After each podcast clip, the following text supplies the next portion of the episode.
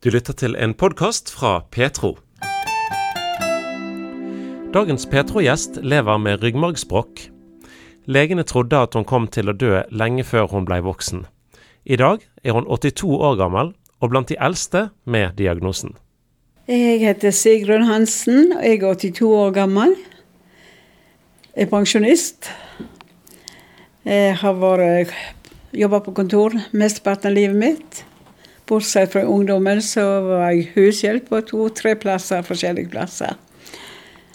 Og jeg ble da født med en sykdom som heter ryggmargsbrokk. Veldig vanskelig den tiden. Oppvokst i ei bygd inne i Åkrefjorden, i fjæra. Jeg var den fjerde av en flokk på seks stykker, og jeg fikk jo denne sykdommen. Det var to andre i kommunen, i Etnes og fikk det samme. Og etter jeg har forstått på min mor, så døde de mens de var ganske små babyer. For det er jo en veldig alvorlig sykdom? Ja, i dag har jo jeg forstått at det er grunnlag for uh, å ta vekk abort for de som ser det rett å gjøre det. Jeg som kristen har jeg jo veldig imot abort, men jeg har veldig forståelse for. Og det Eh, ja, det som følger med, kan du si, en såpass alvorlig handikap. Både for far og mor. At det vil bli en voldsom utfordring. Men sjøl eh, så syns jeg jeg har hatt et veldig godt liv. Både på godt og vondt, kan du si. Mm. Men jeg pleier å si at jeg unner ingen å få den diagnosen. For det er ikke noe god sykdom å få. Men du Sigrun, du har altså vokst opp i et kristent hjem? Jeg er vokst opp i alle fall med Mor var iallfall bekjennende kristen, og det var vel far òg. Men han var vel mer stille altså. Mor var da pinsevenn. Og hun, var, hun hadde sjøl vokst opp i en uh, predikant Bestefar han var predikant, ganske kjent på den tid, som heter Lars Njøten. Og var vel veldig mye ute på predikantreiser. Mens, eh, og i den tiden så opplevde vel mor òg at det var veldig streng kristendom, så jeg oppvokste med en glad kristendom. Ryggmargsbrokk er en medfødt misdannelse i nervesystemet og ryggraden, og det oppstår i fosterlivet. Det er stor variasjon i alvorlighetsgrad, men ofte så er nerveforsyningen dårlig utviklet, og dermed så er musklene i beina lammet. Så denne sykdommen medfører lammelse. Både det går utover de vanlige funksjonene med Så det var vel opp gjennom årene at det var snakk om at jeg var, jeg var ikke levedyktig. Mor hadde vel en viss peiling. Jeg var som sagt den fjerde i barneflokken som kom til verden. Og som foster var jeg veldig rolig som mor. Så hun ble vel ikke veldig overraska, men når jeg var født, så var det ikke snakk om å leve mange dagene. Så hun så ikke Kan ikke si barnepleierske, men hjelpte mor da å stelle. Hun ville helst ikke stelle meg før jeg ble døpt. Det var veldig strenge ting den gangen. Litt vanskelig for meg å forstå det, men sånn ble det. Og doktoren Vi hadde jo distriktslege den gangen, og han sa at det kom ikke til å bli lenge før jeg død. Men eh, så på en eller annen merkelig grunn så var, så ut som den lille jenten var livlaga. Mor var til Bergen til en av de beste spesialistene, og han mente at det var ikke mange ukene jeg kunne få. Det var iallfall, ga meg iallfall ikke noe lys framtid. Mm. Men uh, i toårsalderen da var jeg ikke begynt å gå. Og da hadde det skjedd noe faktisk på soverommet, eller lemmen, som vi sa den gangen. og de andre søsknene mine hadde ropt på mor. Og de hadde sett noe. Da hadde de sett en engel som hadde vært borte med senga mi. Og det påstod alle at de var. Og ene broren min han sa jeg kan ikke nekte på noe som jeg har sett med mine egne øyne. Og en ganske stor engel, som han sa da. Men iallfall etterpå da så skjedde det noe. Det forandra seg, og jeg begynte å gå. Og distriktlegen han kom med jevne mellomrom for å se til meg og så at jeg sprang over gulvet, sånn som de andre ungene. Så sånn, hva er det jeg ser, sa han. Sigrun kan gå. Kan hun virkelig gå? Nei, dette er et under, sa han. Skole var det lite ved, for uh, vi hadde jo ikke de hjelpemidlene den gangen. En liten landsskole. Så det skulle vel ikke mye til for det ble en del mobbing. Så jeg var 13 år når jeg eh, en legen da fant ut at det måtte, måtte, gjøres noe. Så da ble jeg sendt til Oslo på Sofis Minde og ble tatt de første operasjonene. Jeg kunne jo ingenting nesten. Jeg kunne lese på det jeg leste da jeg var fem år gammel, forteller min mor da. Så da la jeg rent. Men utover det så ble det lite skolegang pga. læreren var heller ikke innstilt verken pedagogisk eller noe til å ta seg av et barn som var såpass. Så dermed så ble det ikke skolegang før jeg var 13 år. Og da gikk det fort. så da fikk, gikk jeg på skole, både på ungdomsskole og framhaldsskole og, og handelsskole. Så jeg fikk da kontor, kontorutdannelse. Men du trodde på Jesus oppi alt sammen hele veien, Sigrun? Ja, så jeg var vel 20 år når jeg tok et spesielt standpunkt. Det, det bortimot 20 år. Da var det vel på Framnes på ungdomsskolen der inne at det ble. Men så har det jo gått veldig opp og ned. Selvfølgelig hadde det i ungdomstiden òg. Men jeg har vel alltid, alltid regna meg som en kristen. Mm. Men gikk det ikke på tråden løs nesten når du, når du med all den lidelsen og alt dette tøffe og alt dette fryktelige Hvorfor, Gud, hvorfor helbreder du meg ikke? Hvordan taklet du det? Nei, selvfølgelig. Jeg skal jo være ærlig og snakke sant om livet. Men eh, jeg vokste opp, og jeg var mor og far og oppdro meg til å være akkurat sånn som de andre ungene. Jeg var med og vaste klær og var med på ting som skulle gjøres hjemme. Og så jeg opplevde vel meg sjøl mange ganger som ganske vanlig òg. Så jeg fikk en veldig sunn oppdragelse, kan du si. Litt temperamentsfull var jeg vel. Men jeg har alltid i grunnen hatt, hatt et godt humør og se, har sett litt komikk i de forskjellige tingene. Så det har lært meg å, å iallfall å ta livet Hva skal jeg si Ikke så gravalvorlig.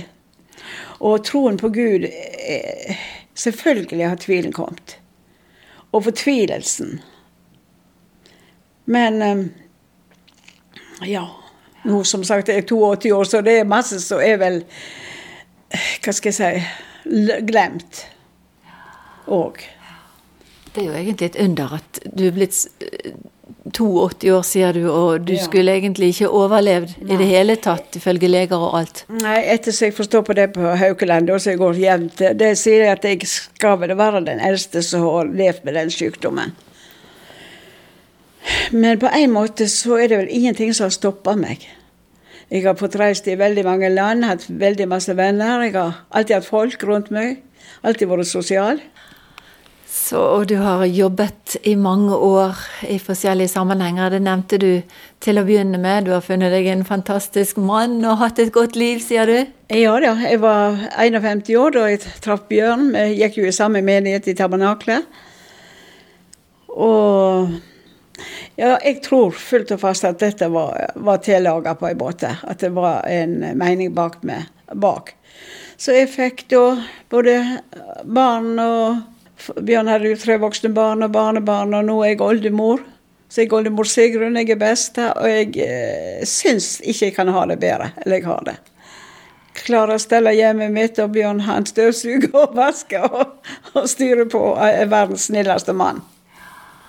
Så Gud har rett og slett vært med deg gjennom sykdommen. Men Gud er der allikevel om vi ikke blir helbredet på den måten vi skulle ønske? Ja, absolutt enig med deg, Sissel. Veldig enig med deg. Og hvis jeg skulle gått og tenkt på dette hver dag, det hadde, det hadde ikke gått. Så livet Det er både godt og vondt. Men likevel har han lova å være med. Og det med helbredelse, det, det kjenner jeg at eh, det det skal ikke mye til for piggene kommer ut. For det har vel, og det har vel med folk som vil meg veldig vel, men likevel så Det kan bli veldig ubetenksomt. Eller jeg vet ikke hva, hva slags ord jeg skal bruke, for det at eh, De vil veldig gjerne at jeg skal bli frisk. Men eh, akkurat det med helbredelse, det kjenner jeg nå. At det, det, det er jeg metta på, på en måte.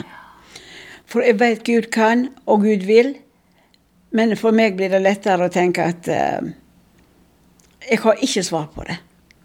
Men at han har hjulpet hver eneste dag og gitt styrke og kraft. Du finner meg sjelden under dynen.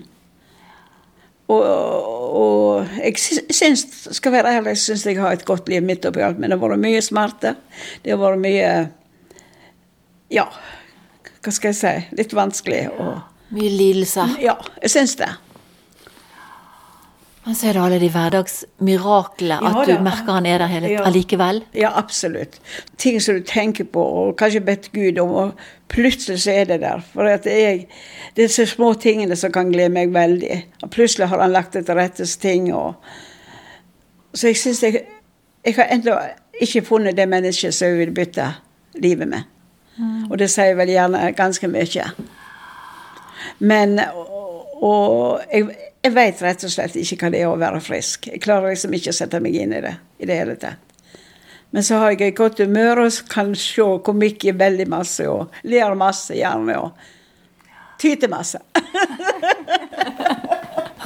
Så Sigrun, til tross for store lidelser, så, så takker du Gud for et godt liv allikevel? Ja, absolutt. Det gjør jeg. For det har vært godt. Jeg har fått være med på masse. Jeg drev eh, hva skal jeg si, hjelpearbeid i Ukraina annet. Jeg har vært i Ukraina tre ganger. Og sett hvordan de har det. Og har vel støtta da 13 barn, hadde vi vel på det meste, pluss en eh, familie. Så det har vi holdt på med i 15 år. Et barnearbeid der borte. Og ja. Og nå er jeg opptatt med barnebarn og oldebarn. og Er det spesielle bibelvers, Sigrun, så du, nå har ikke du fått forberedt deg, men som, som har vært med og holdt deg oppe? Ja, det kan jeg si. Jesajas 41,10 har vært mitt yndlingsvers. Frykt ikke, for jeg er med deg. Kjør ikke rådville omkring, for jeg er din Gud. Jeg hjelper deg, jeg støtter deg og holder deg oppe med min rettvist høyre hånd. Og som dagen er, skal òg styrken være. Det minner jeg ham på. Men det er selvfølgelig, det hadde vært det største i livet å blitt frisk. Spesielt nå etter du er blitt en eldre, pen eldre dame. det er du.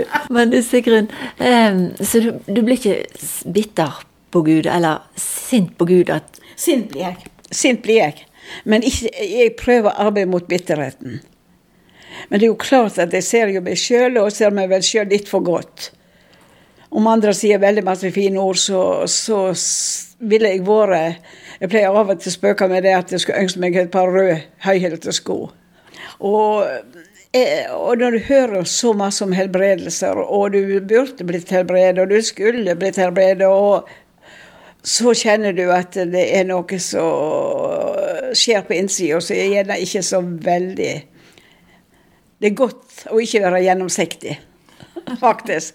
Nei, jeg syns jeg pleier å svare at hun har gjort absolutt alt det som står i Bibelen. Både kalle til meg menighetens eldste og blitt salva og bedt for. Jeg har ikke tall på alle de gangene det er blitt lagt hendene på. Og, og du blir litt, du blir litt eh, oppgitt. Men fremdeles så mener jeg at folk vil, vil en vel. Og gjør, gjør det i beste mening. Jeg kan ikke tenke meg noe annet. Men det kan gjerne skade oss òg, hvis det blir eh, ikke folk tenker. Ja, det gjør ikke godt. Du kjenner det at, at du blir metta. Og jeg er vel den som Jeg tror veldig på helbredelser. Og jeg tror på det Gud sier. Men å ha forklaring på det Og jeg forstår ikke Gud. For Guds tanker er ikke mine tanker. Og Guds veier er ikke mine veier.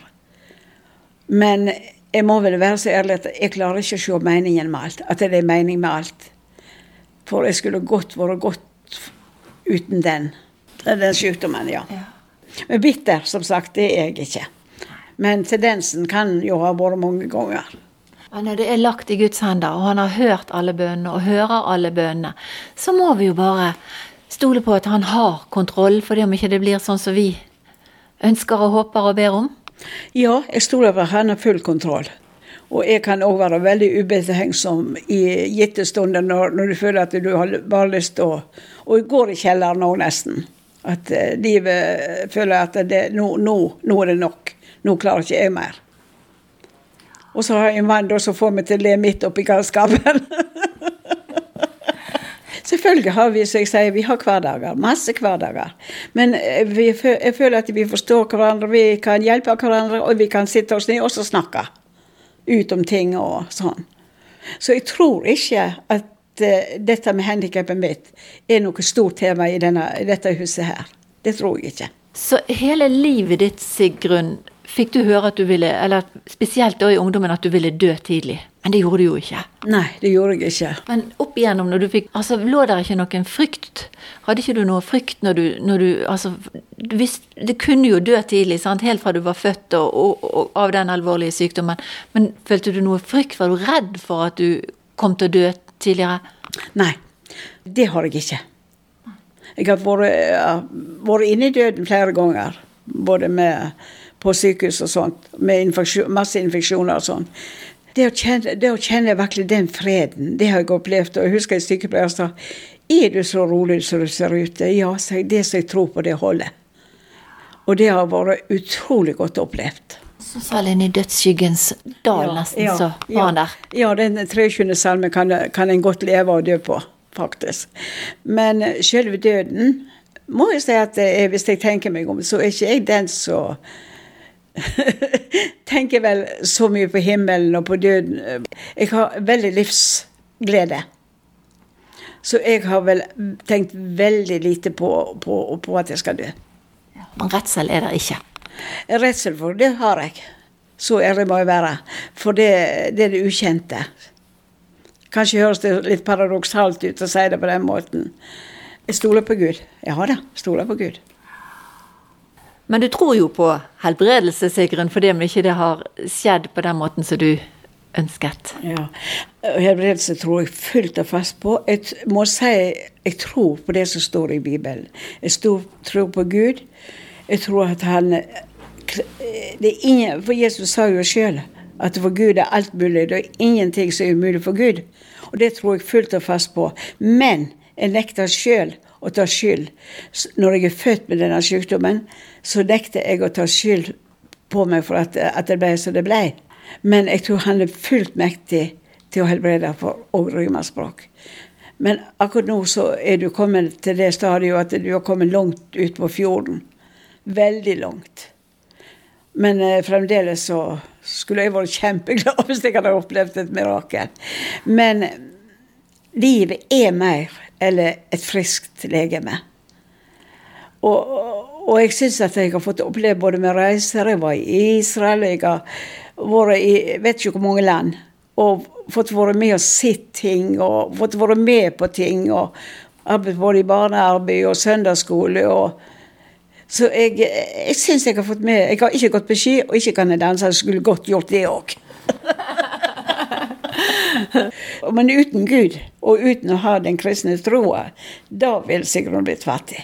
Det kan jeg bare si. Det har hjulpet, og det har holdt meg oppe. Og det har meg, gitt meg den gleden i livet og meningen med livet. Det, det tror jeg tør si. Det vil jeg si, hvis det ikke gi opp. Ikke, ikke mist motet. For det som står skrevet, det står der. Om ikke jeg har forklaring på hvorfor det ikke skjer med alle. Og det, det er veldig mange som ikke får oppleve dette med helbredelse. Men ikke prøv å gi skylda på den syke. Prøv å ha forståelse og be om visdom til å at du kan be. Det gjør meg veldig godt. Folk sier det, jeg ber for deg. Men ikke at det hvorfor. Jeg har ikke bruk for å vite hvorfor eller ikke hvorfor. Gud vet best. Du har hørt en podkast fra Petro. Du finner masse mer i vårt podkastarkiv på petro.no.